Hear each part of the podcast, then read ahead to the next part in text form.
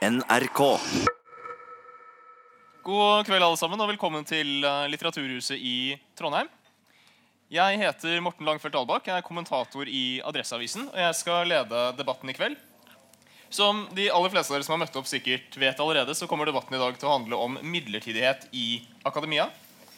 Og de fleste som har vært en del av akademia på et eller annet tidspunkt, i hvert fall som ansatt, om det nå er som stipendiat, postdoktor eller lektor, kjenner til problematikken rundt midlertidighet. Den er kjent for å være veldig høy i akademia, og det er også en god del misnøye rundt det blant de ansatte. Og så vidt jeg, Nå må Petter fra Forskerforbundet korrigere meg hvis det er feil tall, men arbeidsledigheten i, den andelen midlertidig ansatte i akademia er vesentlig høyere enn ellers i arbeidslivet, rundt 15 åtte- mot 8% ellers. Og det vi skal debattere i kveld, er om det er et stort problem i akademia. Hvorfor er det så mye midlertidighet? Er det fordi akademia er annerledes fra andre kunnskapsbransjer, som teknologibransjen? Eller er det pga. noe helt annet? Og For å diskutere det, de spørsmålene så har vi et panel med oss her i kveld. og Det består av Elise Farstad Djupedal, universitetslektor ved Institutt for lærerutdanning. Petter Oslestad, leder av Forskerforbundet. Albert Verhagen, HR-ansvarlig ved Det medisinske fakultet. Riktig, da? Fakultet for medisin og helsevitenskap. Fakultet for medisin og helsevitenskap, for å være helt korrekt. takk. Og Anne Borg, prorektor for utdanning ved NTNU. Og Med det så vil jeg gi ordet til Elise Farstad Djupedal. Takk skal du ha for det, og takk for introduksjonen som universitetslektor. Jeg antar jo jeg er her pga. den andre delen av tittelen min, at jeg er midlertidig universitetslektor. Så jeg er på en måte tidsvitne i panelet. Eh, Jeg forstår i hvert fall rollen min eh, som det. Og Vi har jo fått tilsendt noen eh, på en måte spørsmål som vi kan ta utgangspunkt i i denne innledninga. Og det Er jo for det første, er dette et problem? Og Mitt soleklare svar er selvfølgelig ja, det er et problem. Eh, Men for å kunne utforske problematikken mer, så må vi jo være spesifikke på hva midlertidigheten gjelder. Snakker vi om stipendiater og postdokker, så er det en helt annen type midlertidighet enn hvis vi snakker om administrativt ansatte, universitetslektorer og den nye trenden som jeg har forstått, midlertidige forskere. Eh, Jeg snakker ikke om stipendiater og postdokker når jeg snakker om midlertidighet her, nettopp fordi jeg mener at problematikken er størst når man utnytter midlertidigheten eh, til å eksempel dekke opp undervisningsbehov. Så hvorfor er dette et problem? De personlige omkostningene er store ved å gå midlertidig over lang tid. Det er ganske opplagt. Eh, Det som jeg også kommer til å legge vekt på i dag, som en som er i en 100 undervisningsstilling, er at jeg eh, mener å si og se at midlertidighet i veldig stor grad ikke står i stil med NTNU sine ambisjoner om undervisning. For I all hovedsak så er det midlertidighet går utover undervisning. Eh, og Det forringer kontinuitet i undervisning, og man kaster sin undervisning eh, rett før et emne skal gå av stabelen. Og jeg tror veldig mange studenter ville ha blitt overraska hvis de hadde fått høre det. At man hadde tatt over et emne to dager før de satt i forelesningssalen. Eh, med en emneplan, med en pensumliste, kanskje overtatt fra noen andre. Det sier seg sjøl at det eh, forringer kvaliteten på det som vi kan levere eh, i de stillingene vi er i. Tusen takk for det. Da har jeg slått av mikrofonen min, men jeg gir allikevel ordet til Petter. Ja, takk skal du ha. Og jeg begynner som Elise. Eh, Det er et problem med høy midlertidighet i de statlige universitetene og høyskolene. Og det er det tverrpolitisk enighet om. Og man er også enig i selve tallgrunnlaget. Dette er altså ikke noe som Forskerforbundet har hauset opp som fagforening. Eh, Verstingene er Universitetet i Oslo og Universitetet i Bergen. Der er nesten hver fjerde vitenskapelig ansatt midlertidig. Og da har man altså ikke regnet med stipendiatene eller postdokkene, som per se er korrekte midlertidige. Ved NTNU er tallet nå vel litt under 20% og som du sa, i arbeidslivet ellers på 8% Både Stølen ved Universitetet i Oslo, den nye rektoren, og rektor Olsen ved Universitetet i Bergen gikk til valg på at midlertidigheten skal ned. Så vi har forventninger, og rektorene får drahjelp av en innstrammet eh, lov om statsansatte som ble vedtatt eh, før sommeren, og som Stortinget har bedt om en evaluering av innen to år. Så ja, Den høye bruken av midlertidighet er et problem. Det erkjenner både storting, regjering, rektorer og Forskerforbundet. Og vi er enig i virkelighetsbeskrivelsen. Men så kan man spørre gjør det noe. Og Fra en bohemposisjon så er det jo noe tiltalende selvsagt ved ikke å ha noe fast. Og ta det som det kommer, om det kommer. Men hvis livet blir for uforutsigbart, slik at man f.eks. i en etableringsfase risikerer ikke å få boliglån, så syns nok de fleste at dette er ugreit. Og I jobben må de ofte da tilpasse seg lokalt ledende kolleger hvis de skal få fortsette. I hvert fall kan det oppleves slik. Og da kan det bli såpass lite tiltalende at flinke folk heller velger seg en spennende, fast jobb utenfor akademia. Og Da oppstår det et samfunnsproblem hvis ikke forskertalenter vil til akademia. Og Forskning er jo per definisjon langsiktig. Korttidskontrakter hindrer så å si forskningen fra å realisere seg selv. Det blir rett og slett dårligere forskningskvalitet av midlertidighet. Så ja, det gjør noe. Tusen takk. Og da gir jeg ordet til Anne. Ja, eh, Som de to første har sagt, så er det to typer midlertidighet i akademia. Det er den ønska og den ikke-ønska eh, midlertidigheten. Eh, så det er jo eh, et aspekt i, sektoren at eh, at vi har eh, en del typer eh, uønska midlertidighet. Nå var det f.eks. en universitetslektor. universitetslektor. Også ellers så er det jo ganske Der jeg ser, det er jo innenfor forskerkategorien og en del kanskje tekniske stillinger. Særlig knytta til, til eksternfinansiert virksomhet på, på forskningssida. Men det er jo to, to litt ulike grupper. Styret ved NTNU har over, en, over, mange år egentlig vært eh, opptatt av den problemstillingen. Eh, det blir langsomt bedre, men det går ganske langsomt. Eh, og per i dag, i det som vi vil her ville kalle som uønska ledighet, så er vi på i underkant av 15 ja. Og det står som sagt på dagsorden. Eh, så eh, vi jobber jo nå altså Styret ønsker, eh, ønsker, den saken oppe årlig. og Vi har neste runde i mars. og Da jobber vi med å se på hva slags tiltak vi eventuelt da kan sette i verk for å gjøre noe ytterligere med den ledigheten. Men sånn som jeg ser situasjonen ved NTNU, så er det kanskje altså mer i forsker-tekniker-kategorien at vi altså ser de større tallene heller enn i, inn i utdanningsstillinger. Men det kan vi sikkert diskutere litt etter hvert. Tusen takk.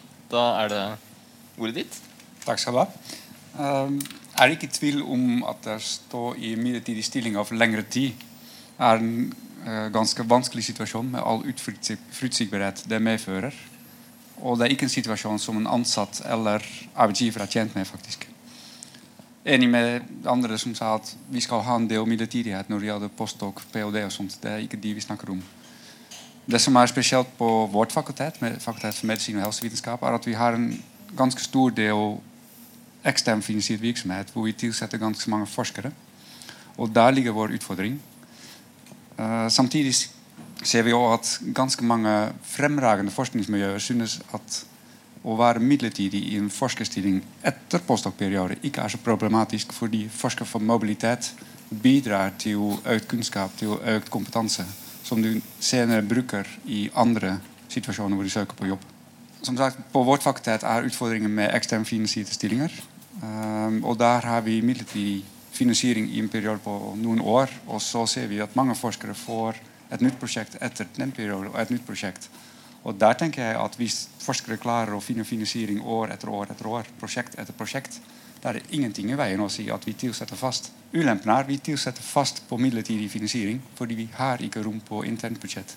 Og så fort den eksterne finansieringen bortfaller, har vi ikke midler lenger og opphører stillingen òg. Det som er Fordelen er at vi har andre rettigheter for ansatte som er fast ansatt. Og løsningen i mitt hode ligger i at vi har gode bemanningsplaner, strategiske bemanningsplaner hvor vi ser hvor har vi rom for forskere, hvordan hjelper vi forskere, vitenskapelige ansatte, til å danne en karriere, en portfolio, som gir dem mulighet til å kvalifisere for fast stilling på sikt. Så løsningen for meg er bemanningsplan og karriereplan. Tusen takk. Ja, før vi, det er noe jeg har lyst til å spørre deg om, Albert, når du snakker om at eksternfinansieringen hjelper dere til å ansette flere fast fordi den er, den er ganske jevn. Og det fakultetet du kommer fra, er jo et fakultet som har, får mye eksternfinansiering. Så jeg tenker både til deg også, for så vidt, Anne, om det er en type modell som overhodet lar seg utvide til universitetet for øvrig. altså en type fakulteter som ikke får like mye ekstern finansiering. F.eks. HF, SVT, sammenlignet med Fakultet for medisin og helsevitenskap.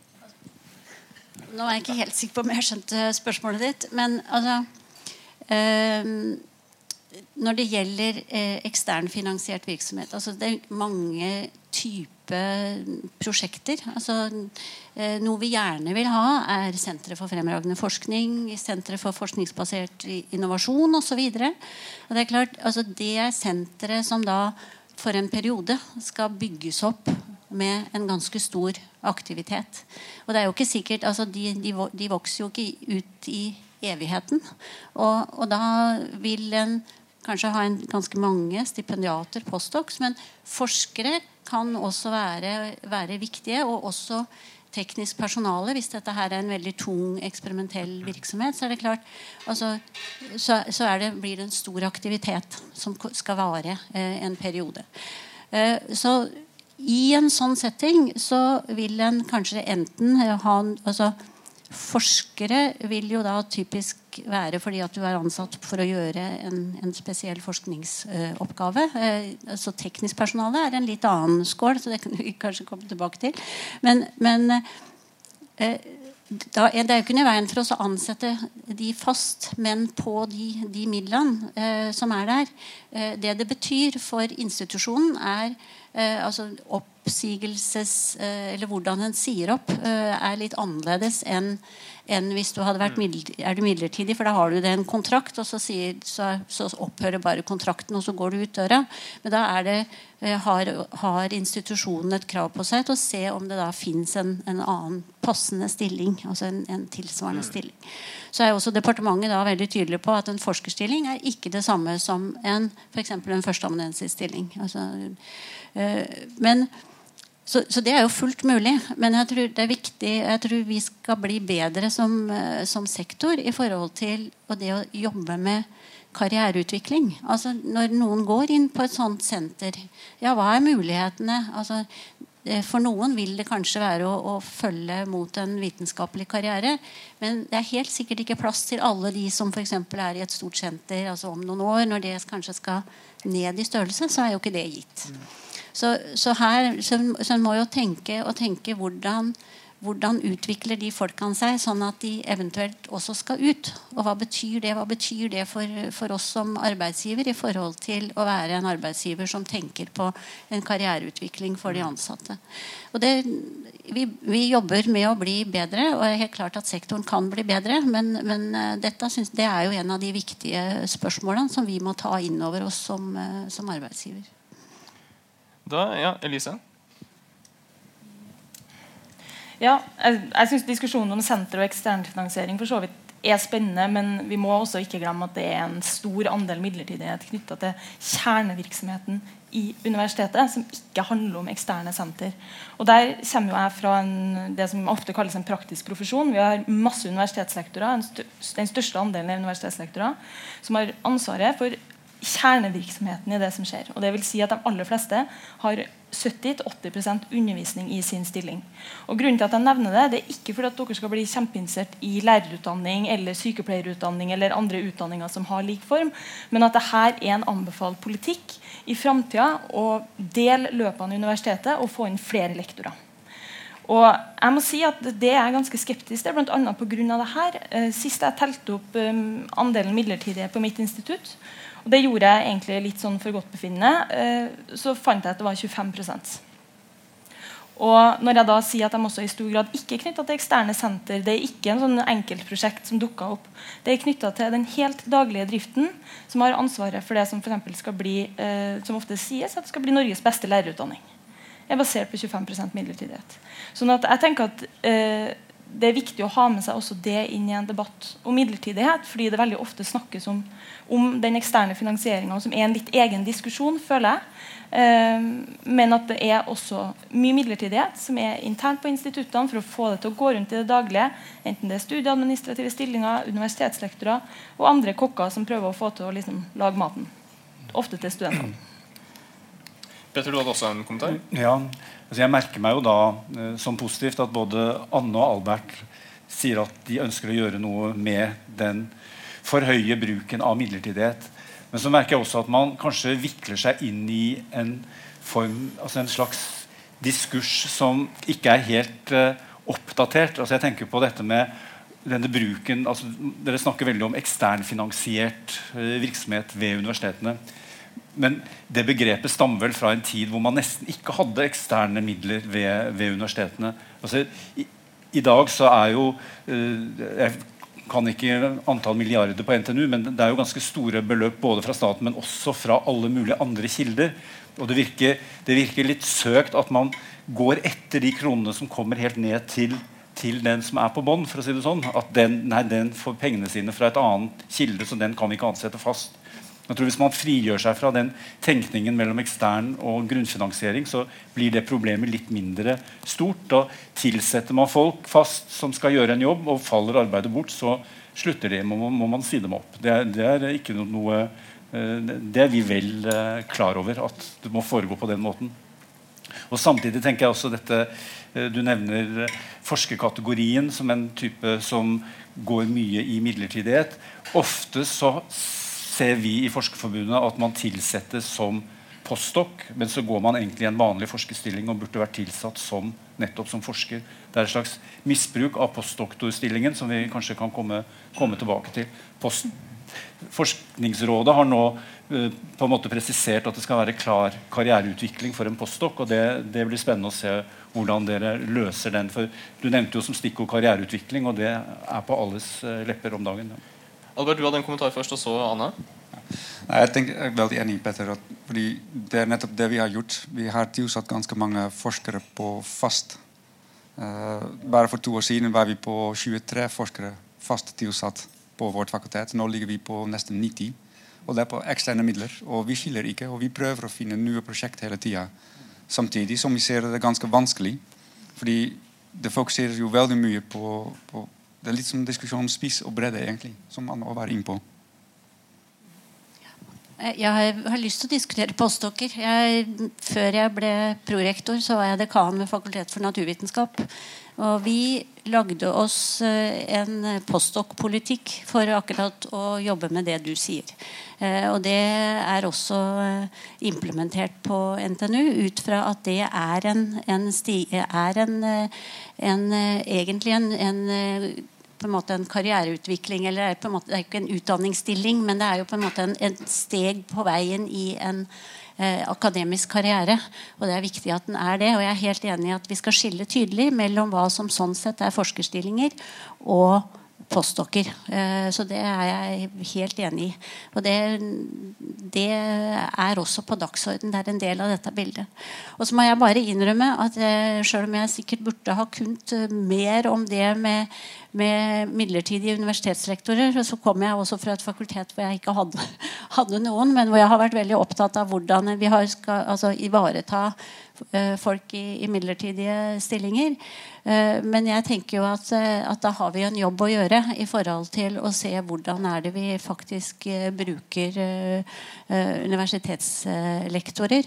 Selvfølgelig så kan det være sykdom og svangerskapspermisjoner og altså forskjellige ting som gjør at, at, at det fins noen altså det er noen oppgaver som må løses på kort sikt. Men det er klart at uh, utdanning er uh, faste oppgaver. Uh, og det må vi jo se, se, på at vi har en, et godt system for, sånn at det ikke blir midlertidig, så, midlertidighet på ting som faktisk er langsiktige, faste oppgaver. Har du en kommentar til det, Elisa? Altså, jeg, jeg kan jo for så vidt kommentere det. Altså, det er jo um, ja, jeg kjenner jo først og fremst til midlertidighet på faste oppgaver. og I første rekke så går det utover undervisning. Og, og, jeg trekker jo ikke fram mitt institutt for å henge ut noen. egentlig mer som at det er et eksempel. og Sist jeg så på statistikken, så er det jo en stor andel lektorer på mange institutt. Eh, faktisk flere institutt enn folk tror. Og det har selvfølgelig blitt flere institutt med lektorer etter fusjon. Eh, sånn at Derfor er det en mer generell problemstilling enn at det omhandler eh, lærerutdanning. Og som du sier, Det vil alltid være svangerskap, det vil være sykemeldinger. Det er overhodet ikke det jeg snakker om. Jeg snakker om at uh, Den lille enheten jeg er en del av, som er 50 personer, der har vi ca. tre personer fast som er ute på forskningstermin hvert semester. Det vet vi. Vi trenger ikke å bli overraska hver august når folk skal ut i forskningstermin. Eh, for det er faktisk noe som kan planlegges. Så da mangler vi tre eller tre ganger 45% stilling da, for å få det til å gå rundt. Og der må man jo faktisk være tøffere på å lyse ut. fordi man må da, For å ta høyde for forskningstermin og andre ting, så må man jo på papiret overbemannes for at det skal gå i null på papiret i praksis.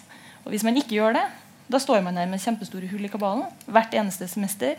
Må, som jeg sier ganske stygt, men jeg, det, altså, ta, da må man ta inn fra gata. Jeg pleier å si at jeg ble tatt inn fra gata, helt tilfeldig. Og så går det noe som det går, og man kan være heldig med ansettelsen. altså Dette er jo ikke heldig for arbeidsgiver heller. Det må jeg jo virkelig si. Det er ikke, det er ikke heldig for arbeidstaker. Men eh, man får jo det man får, og så skjer det som skjer. Du er der et halvt år, ett år, tre år, fire år. Du luftes. Sju år. Vi kan komme litt tilbake til det med lufting og sånn senere også, tror jeg. Men først hadde Albert, du hadde en, hadde en ja, jeg, også. jeg fikk veldig mange blikk da jeg nevnte ordet lufting, så det kan være at det er et tema salen kjenner til. Det, det kommer. Jeg synes Det var interessant det eksempelet som Albert ga. At uh, i løpet av uh, ganske få år så har uh, andelen forskere i fast stilling tredoblet seg. Og det kan man jo lure på hvordan kunne nå det skje. det da, må jo være helt tydelig at det har noe med kultur å gjøre, denne høye bruken av midlertidighet. Uh, og Det kan igjen ha å gjøre med at lovverket har vært veldig komplisert. Både universitetslov, tjenestemannslov, arbeidsmiljølov med en rekke tilhørende forskrifter har av og til dratt virkeligheten i ulike retninger. Og så har det utviklet seg sånne subkulturer rundt omkring, og så sier man at det må være sånn som det er. Men det eksempelet til Albert viser at det går an å ta tak i dette og fremdeles være innenfor lovverket. Og så håper vi jo at den nye lov for statsansatte kan uh, kan gjøre det lettere for dere. Albert? Fikk ganske mange replikkmuligheter, da. Men, um, det første jeg tenker, Løfting kommer senere, men vi er knallhardt på, på vårt fakultet. Løfting er ikke tillatt. Punktum. Det skal ikke forekomme. og det, det men vi praktiserer det. Og det andre jeg tenker Når jeg hører deg om, om ditt fakultet Jeg ser også at fakultetene er ganske ulikt ved NTNU. Uh, vi har mange universitetslektorer midlertidig på vårt fakultet. Men det er statistikk som vi ikke viser virkeligheten. For de vil være midlertidig tilsatt. De ønsker ikke å være fast tilsatt. Og det henger sammen med at det er fastleger som veileder medisinstudenter. Mens de også har sin praksis som allmennlege og fastlege. Og de bruker vi i undervisning, men de ønsker ikke å være fast tilsatt, for det koster altfor for mye lønn. Så det er en praksis der som vi sliter med òg. Vi prøver å få dem i fast, men de vil ikke. det er litt sånn vanskelig der. Og jeg er enig med deg, Petter, at jo, det er en kulturendring. Og det så vi at det var ganske vanskelig for forskergrupper å få den endringen på plass. Og få den holdningen at ja, vi tilsetter fast, vi tar sjansen. Og vi tar den runde med eventuell oppsigelse eller ikke. Når, når, vi må. Men det er veldig ofte der at vi har ikke midler. Og vi må stoppe et prosjekt, så de vil nesten ikke tilsette. Det er en ganske lang prosess, og det er det som tok tid på vårt fakultet. i hvert fall. Ja, Det var jo mange blikk her i stad, så jeg tror vi skal hoppe rett til fenomenet lufting. og Det er jo det er bare noen, litt over et halvt år siden jeg selv var ferdig som stipendiat på NTNU. Og i løpet av den tiden jeg var stipendiat her, så har jeg hørt minst fire historier om folk på forskjellige fakulteter som har, ikke har fått en midlertidig ansettelse fordi det var fare for at det kunne utløse krav om fast. Det er sånne historier som jeg vet går rundt, i hvert fall på, på NTNU. Selv om jeg også forstår at uh, fakultetene og sikkert også rektoratet er, mener at det er ikke er greit. Og du kan nesten spørre de som er i første linja først. Altså, du Kjenner du også til den typen historier? Um, ja, altså, jeg, jeg, kjenner jo mange som har blitt lufta. Så det er jo ikke sånn at jeg kjenner noen sånn rykter på gata om det. De har jo vært lufta, og de blir lufta i tre måneder for å unngå fast stilling. Eh, og Da bare sendes man ut, og så tas man tilbake. Eh, og jeg kan ikke uttale meg og vil ikke uttale meg om uh, hvorvidt det er en uh, så stor praksis, eh, eller sånn en utbredt praksis, men at det forekommer sånn med relativt fast hyppighet flere steder, det er det veldig lite tvil om. Jeg har ikke blitt lufta, så det kan jeg ikke snakke om. Er dere kjent med at det forekommer noen steder, og hva gjør dere eventuelt for å få bukt med det? Hvis dere, siden dere sier altså, det ikke er ønskelig? Nei, altså, Jeg sier vel egentlig det samme som, uh, som uh, Albert. At, uh, altså, det var et tema for en del år tilbake. Men jeg mente jo at den tida var forbi. Men jeg registrerer at, at her er det en, en, en, praksis. Og det tenker jeg at det må vi jo rett og slett undersøke nærmere. Fordi, fordi det, altså, det har Eh, nå er det sikkert noen jurister som kan det her bedre enn meg, men altså, hvis du går tilbake til, til, det samme, så er det ikke snakk om at eh, altså, lufting eller ikke, altså, Om du kaller det lufting, så gir ikke det deg noe, noe mindre rettigheter av den grunn. så Derfor så er det på en måte det, det, er altså det, det, det, betyr ikke at ikke, at ikke en har noen Eller at det, på en måte gjør at en ikke har noen rettigheter. Så, så, så sånn sett så ble jeg litt overraska nå. Det får jeg lov Jeg må få være så ærlig å si det. Ja, Petter, kanskje du også har noen ideer om dette. Er det, er det et problem som er stort, eller er det Igjen har det, har det, vel kanskje med kultur å gjøre. Men jeg har lyst til å ta et motsatt eksempel. Jeg, jo, jeg har jo permisjon fra Institutt for språk og litteratur her ved NTNU. Og For noen år, år siden så tilsatte vi en førsteamanuensis på det instituttet som hadde fått tilbud om postdoktorstillinger andre steder i landet. Men eh, NTNU valgte å satse på Terje Londal som en av de store yngre lingvistene. Og kjørte rett ut med fast stilling. Så det, det er fullt mulig å ikke være så engstelig for å tilsette. Det er da fra den andre enden av skalaen. Ja, altså jeg kjenner til at vi, altså vi gjør det i en, altså en del sammenhenger hvor vi eh, altså eh, vi snakka om senteret, altså hvor vi har senteret, og det kanskje er seniorer som da leder det senteret, og som da har midler til, til, sin stilling, og at en da går inn og satser på noen yngre som, som en da ansetter fast for, at, eh, for å ha en kontinuitet og bygge opp, og ikke, altså ikke å ha en trygghet for at en utvikler fagmiljøet eh, videre. Så, så, så, det er jo en god måte Det er jo en god måte å gjøre det på i, i, i en del sånne settinger.